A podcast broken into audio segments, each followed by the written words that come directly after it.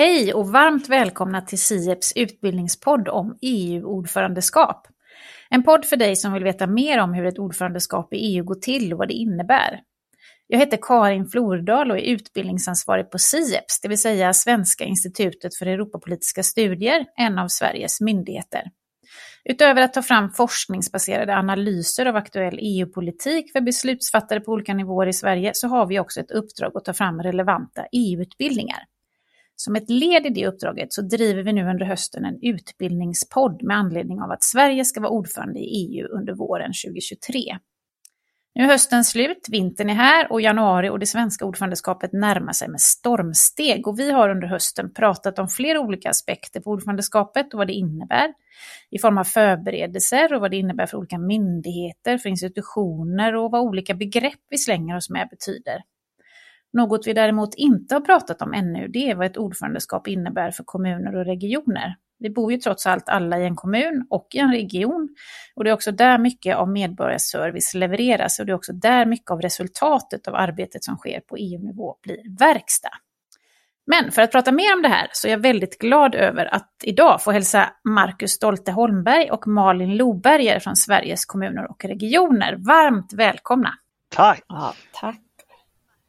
Hörni, eh, Marcus och Malin, innan vi sätter igång och pratar om kommunal och regional verksamhet och EU så har jag en inledande fråga här. Har ni några minnen, professionella eller, eller privata, av tidigare ordförandeskap 2021 och 2009? Eh, ja, alltså det första ordförandeskapet var jag nog inte riktigt eh, vad säger, arbetar nog inte riktigt med de här frågorna, så jag kommer nog inte ihåg så mycket från det första. Men jag, men, men jag har förstått det i alla fall för, för de som var, var med på den tiden. Jag sitter ju på, på, Bryssel, på SKRs, då, Sveriges kommun och regions Brysselkontor. Och det var ju att eh, det första ordförandeskapet, då var det, det är klart att det var nytt för oss då, eller för alla svenskar egentligen. Alltså vad, vad innebär det att eh, ha ett ordförandeskap? Eh, och, och, när, det liksom, när, när, vi fick den möjligheten, när det kom till oss att vi skulle ha det från svensk sida, så satsades det nog rejält mycket pengar. Det fanns mycket resurser från, eh, från tror jag, alla intresserade, både från civilsamhället och från vår, vår horisont. Eh, så, och sen när nästa kom, då fanns det nästan inga pengar alls.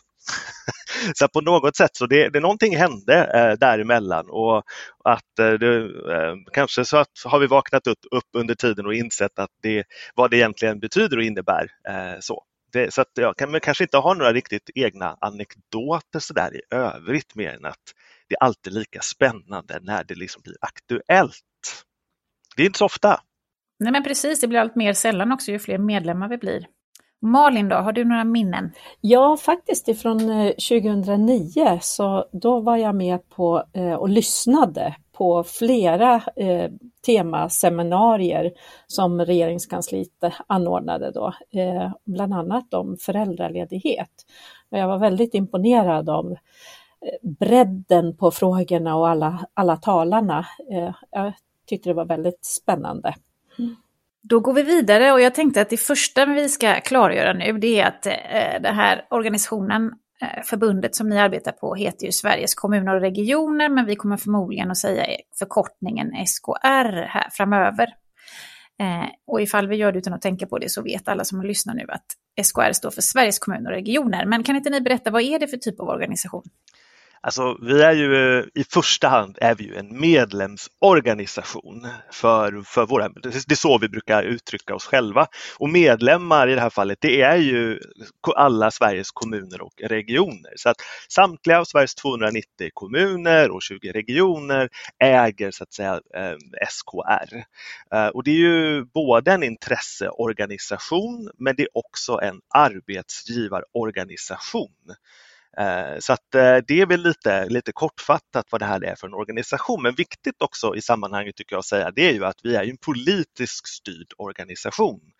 Eh, det det vi har ju en kongress som träffas en gång var fjärde år som, som, eh, som, som bestämmer eh, vilka som ska sitta i, i vår styrelse och som ska då leda arbetet under mandatperioden. Och nästa år så har vi 2023 som sammanfaller ju då med det svenska ordförandeskapet. Så har vi också en valkongress där det då ska, ta, ska väljas fram en ny styrelse på SKR och vem, hur den kommer att se ut, vad den blir, det, det vet vi inte i dagsläget men så småningom så vet vi detta. Um, vill du komplettera Malin? Det, är bara att hugga ordet, ja. det är vi duktiga på. Ja, men vi, vi, brukar ju säga att vi ger eh, råd och service till våra medlemmar. Att eh, det är de som utvecklar och jobbar med välfärden och eh, med sina frågor för, för medborgarna, men vi ger dem råd och service i hur och för att skapa en gemensam bild. Och att vi ska vara en mötesplats förstås för kommunerna och regionerna, att de eh, ska kunna kunna liksom hitta tillsammans eh, eh, här på, på SKR. Eh, och att vi, vi är eh, ungefär 500 personer som sitter här på Hornsgatan vid Slussen i Stockholm, eh, men jobbar absolut för hela landet eh, för att utveckla välfärden i hela landet. Och sen har vi ju ett litet Brysselkontor också och det tycker jag är värt att, att nämna i sammanhang där jag faktiskt sitter. Så att eh, sen, eh, vi har ju, alltså sen 1993 har, har förbundet haft en, en, eh, en representation, en liten, liten representation. Vi har inte, från början så var vi väl två personer, nu är vi i dagsläget fem personer. Men vi sitter idag vid Square de väldigt lägligt eh, ligger väldigt lägligt nära parlamentet och väldigt nära den svenska representationen också som vi har mycket utbyte med. Och sen så tycker jag i sammanhanget också nämna att det finns ju tio stycken svenska regionkontor också här i Bryssel som också företräder våra medlemmar på olika sätt. Så att EU, eh, e när det gäller när vi jobbar med EU-frågor och, och, hur vi är representerade i Bryssel så är vi, har vi en ganska stark skulle jag säga, närvaro eh, mm. av den kommunala och regionala nivån eh, i, mm. i Bryssel. Så ni, eh, SKR servar eh, och representerar alla Sveriges kommuner och regioner och ni har två kontor, ett eh, stort i Stockholm och ett lite mindre i Bryssel. Kan ni inte berätta också vad, vad har ni för roller och vad jobbar ni på för typ av enhet? Vad har ni för uppdrag? Om jag ska ta bollen igen då Malin, så, börja, så, så är det vi, både Malin och jag, vi, vi jobbar på den internationella sektionen på förbundet. Och vårt uppdrag här är inte bara EU-frågor utan det är lite bredare också, det går lite utöver detta. Så vi, vi jobbar också med internationellt utvecklingssamarbete, alltså lite biståndsfrågor.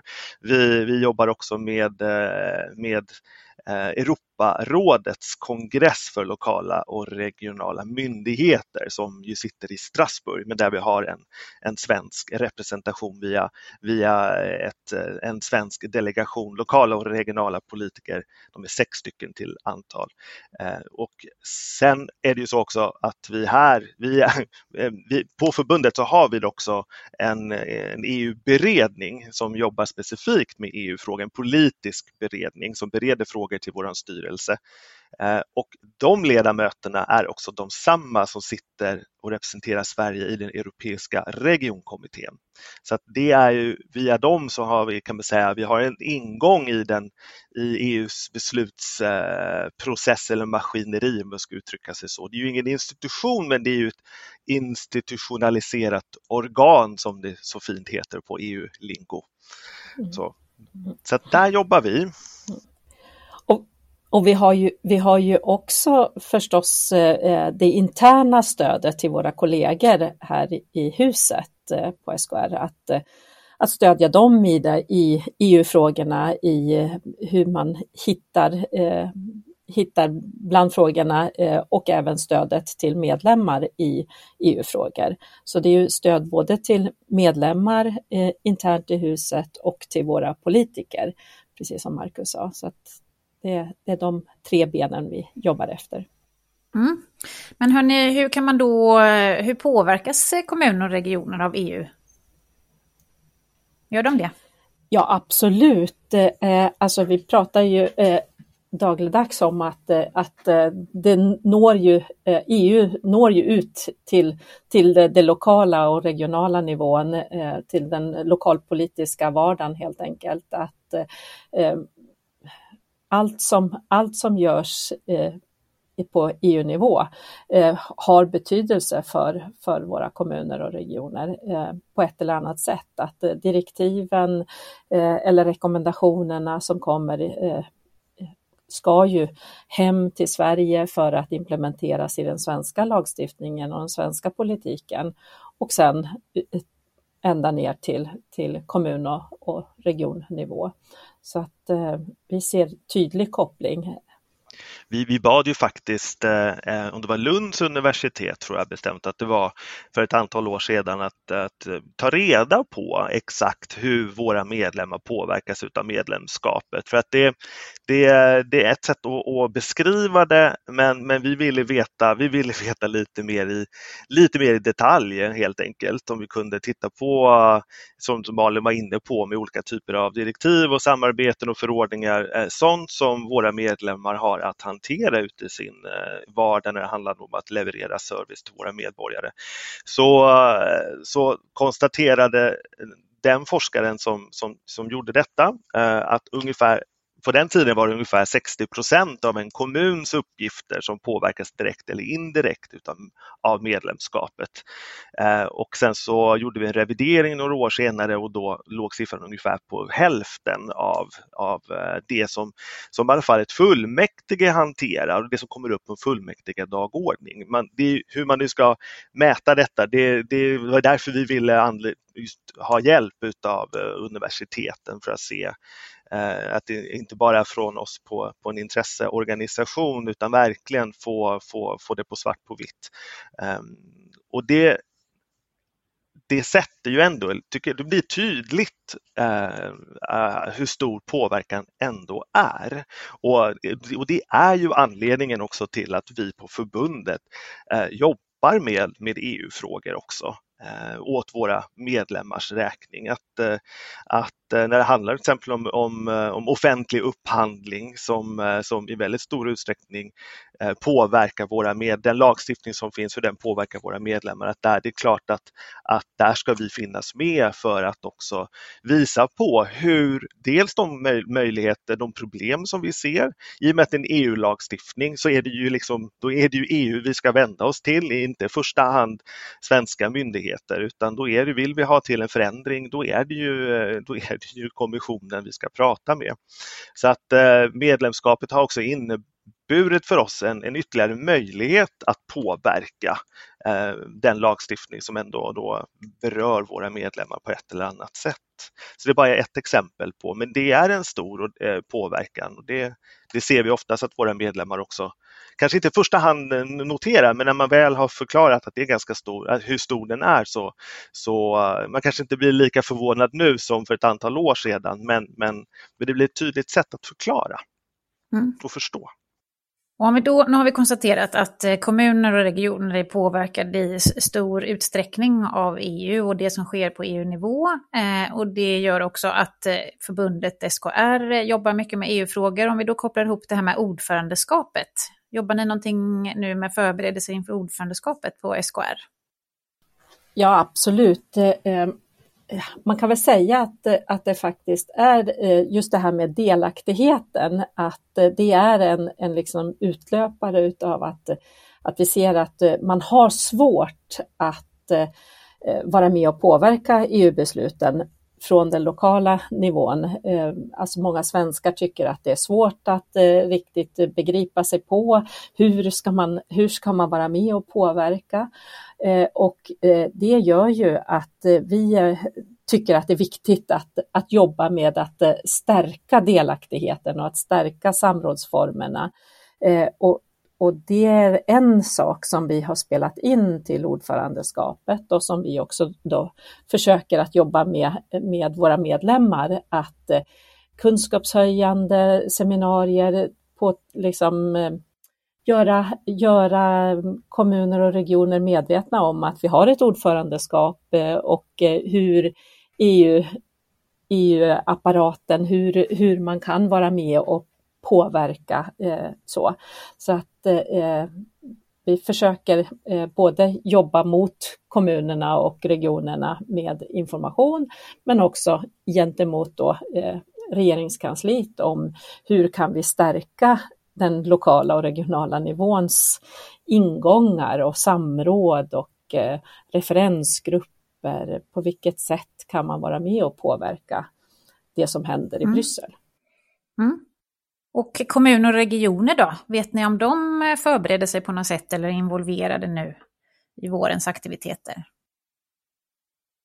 Ja, ja det, det vet vi. Eh, alltså, de försöker ju också att eh, vara med så, så mycket de kan, eh, men eh, man kan väl ändå säga att eh, eh eftersom det är regeringskansliet och eh, ordförandeskapet som driver de olika mötena så har, har eh, eh kommuner och regioner inte satt upp eh, en sån stor organisation kring att, eh, kring att möta det utan det är snarare så att, att eh, de hänger på på vissa ställen där ordförandeskapet ändå har, har eh, förlagt möten. Så vi vet att eh, till exempel i Göteborg och i Åre, i Malmö, eh, några av våra Europadirektkontor där eh, Södertälje, ja, på flera ställen så, så är man med parallellt men kanske inte så mycket Just det, det blir, så, det blir som en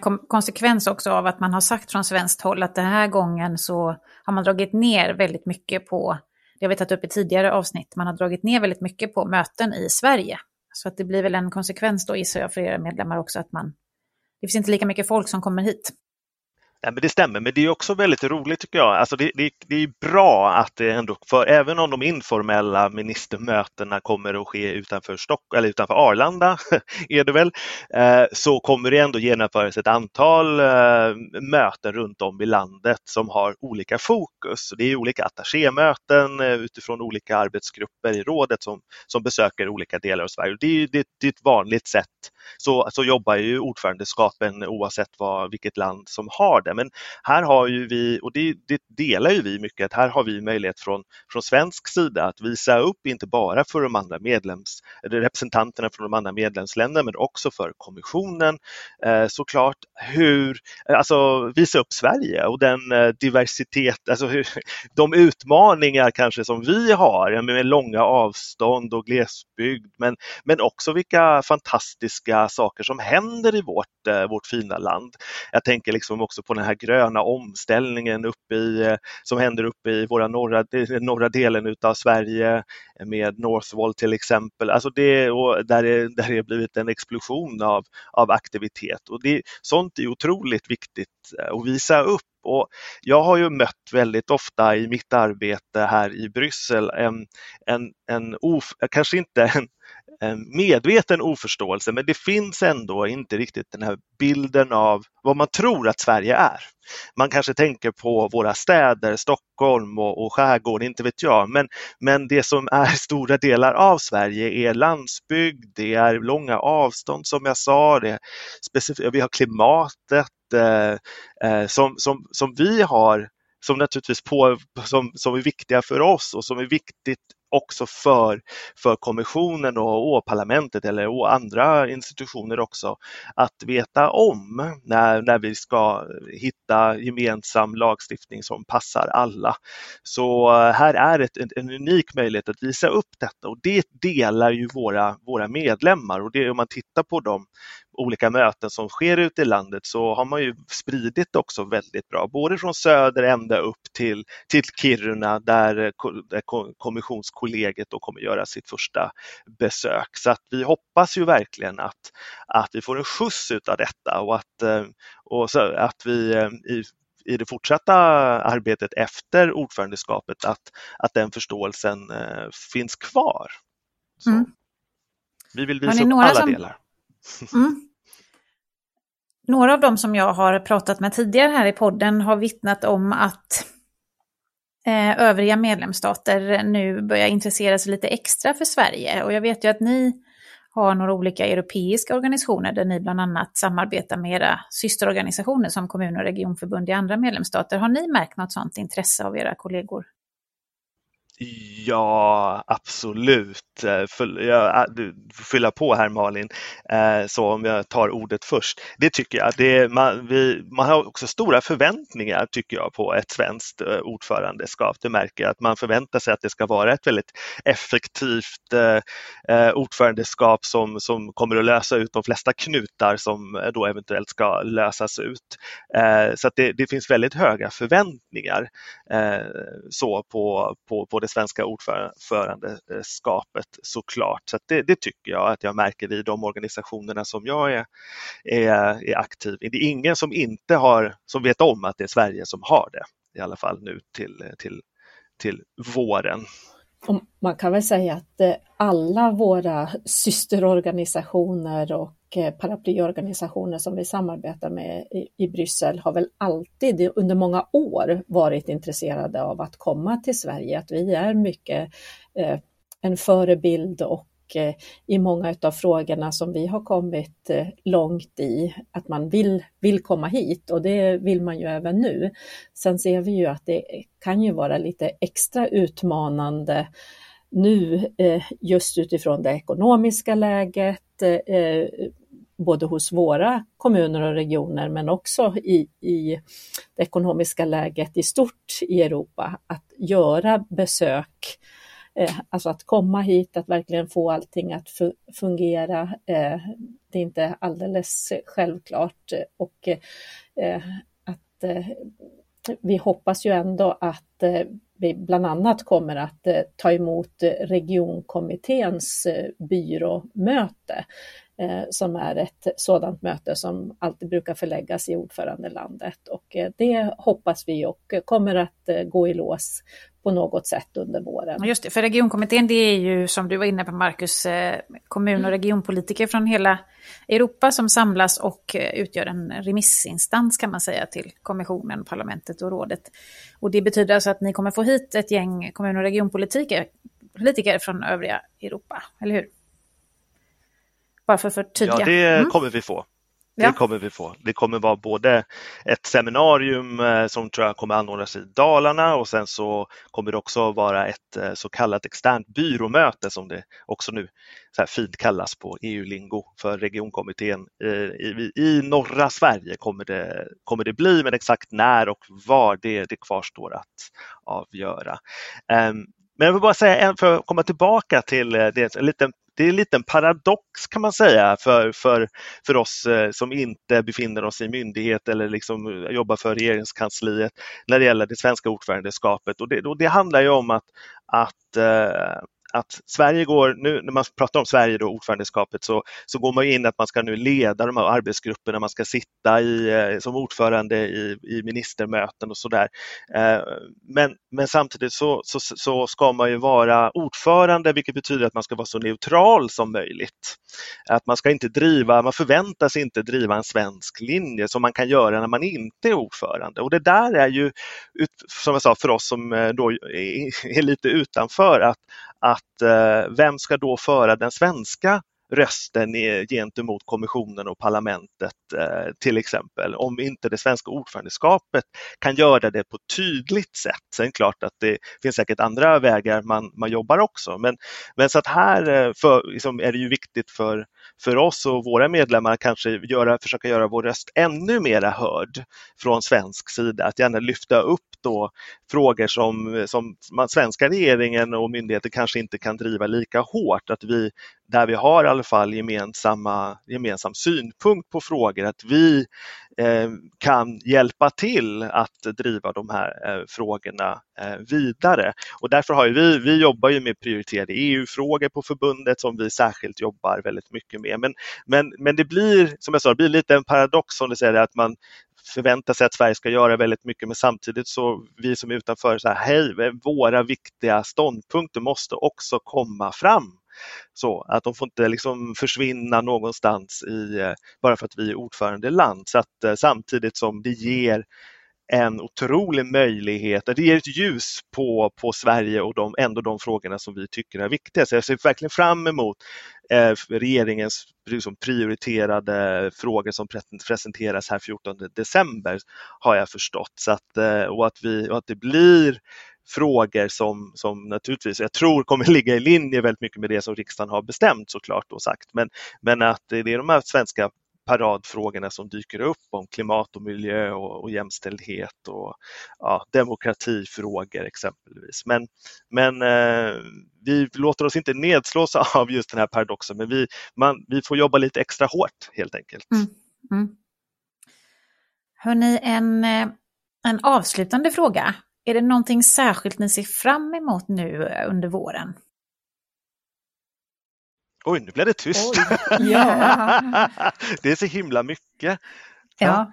Eh, någonting så. särskilt. Är det något, något, särskilt, eh, något särskilt fråga ni har identifierat som ni tänkte passa på att, lyfta då när, när strålkastaren nu riktas mot Sverige? Ja, jag kan säga att jag ser, fram, jag ser faktiskt fram emot eh, särskilt eh, slutet av ordförandeskapet där precis innan midsommar så tänker man att eh, det ska vara många eh, teman kring demokrati och rättsstatens principer och eh, ja, framtiden om, om eh, det demokratiska samtalet. Och eh, där tror jag att eh, vi verkligen behöver finnas med och eh, ha, ha liksom ett stort fokus för våra kommuner och regioners skull eller för våra medborgares skull. Så att eh, det ser jag fram emot det var, nu tog du min, jag hade tänkt säga exakt samma sak. Det är, men det är en sån otroligt viktig fråga Eh, liksom, allting, det är det liksom, grunden i demokratin handlar om, möjligheten att uttrycka, på, på ett, liksom, ha det goda samtalet och, och liksom, ha respekt för varandra. Så, att, så att, eh, det är verkligen någonting som, eh, som vi hoppas kommer komma fram där. Men i övrigt så det jag ser fram emot det är ju, det är ju att, eh, att vi, vi har levererat ett otroligt bra ordförandeskap. Men det finns ju jättestora utmaningar i vår omvärld som klart kommer att liksom påverka påverka liksom förutsättningarna otroligt mycket. Så att eh, det är väl eh, så att eh, ja. Vi får se helt enkelt. Ja, men lite så. Ja. Men det ska ja. bli kul när det rullar igång. Ja, och sen blir det att visa upp Sverige såklart. I, ja. När vi åker upp någonstans i, i, norra Sverige för att visa upp, visa upp vad vi, vad det, ett av de, ja, men många bra saker som Sverige har att erbjuda från kommunal och regional nivå. Så det ser jag också fram emot. Härligt. Varmt tack till dig Marcus Stolte Holmberg och till dig Malin Loberger från Sveriges kommuner och regioner för att ni var med oss här idag. Tack också till alla er som har lyssnat. Vill ni veta mer om SKR och dess arbete i stort, men också om deras EU-arbete, så surfa in på hemsidan www.skr.se. På återhörande.